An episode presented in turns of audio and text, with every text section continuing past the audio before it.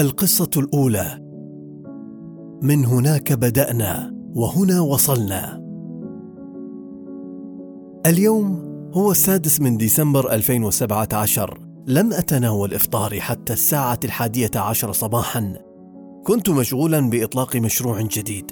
تعودت على إطلاق الكثير من المشاريع لكن هذه المرة المشروع مختلف. لأنه سيكسر حاجزا جديدا أمامنا كشعب ودولة.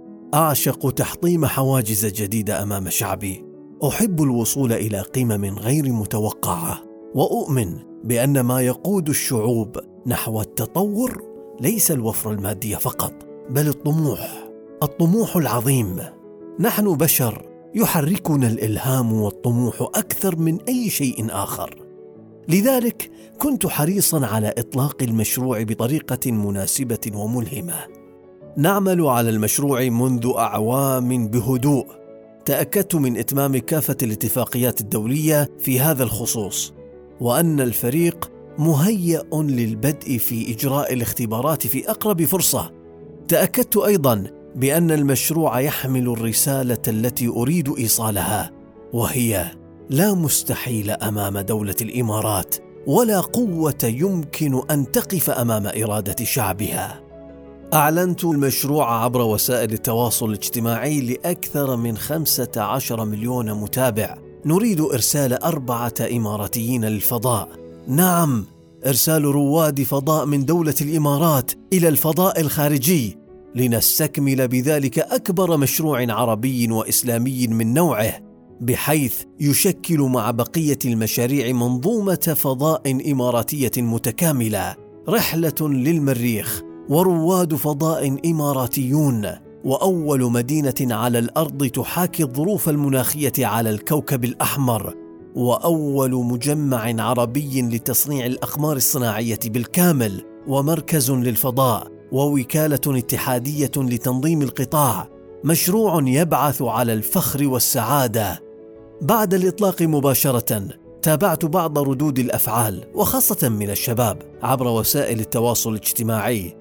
كانت المشاعر في أوجها فخرا واعتزازا كانت مفاجأة مفرحة للجميع مع احتفالاتنا باليوم الوطني. وكنت أقرأ تعليقات الشباب الحماسية وأقول محطة جديدة بلغناها وقمة جديدة ارتقيناها ولن نتوقف.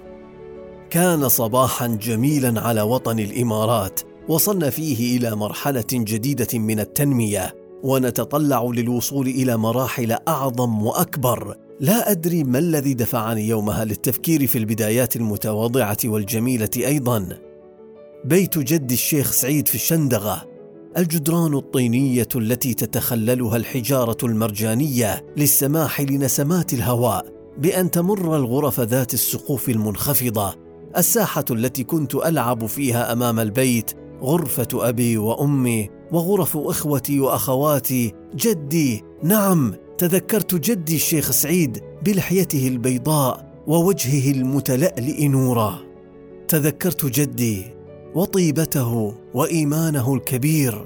جال في نفسي أن جدي عمل من أجل هذه اللحظة أيضا وشارك معنا في صناعتها.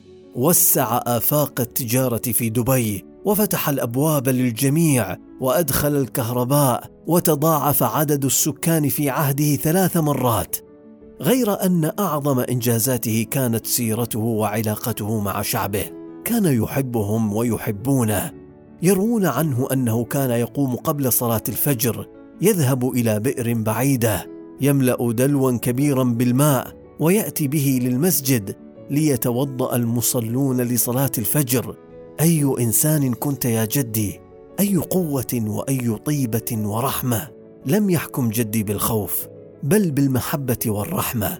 ربما لذلك تذكرته يومها الرحمة والمحبة لا ينساهما الإنسان ولا تمحوهما الأيام.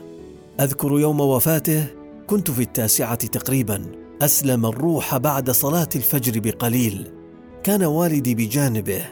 أذكر انتحاب النساء وبكاء رجال لم أحسب أنهم يبكون.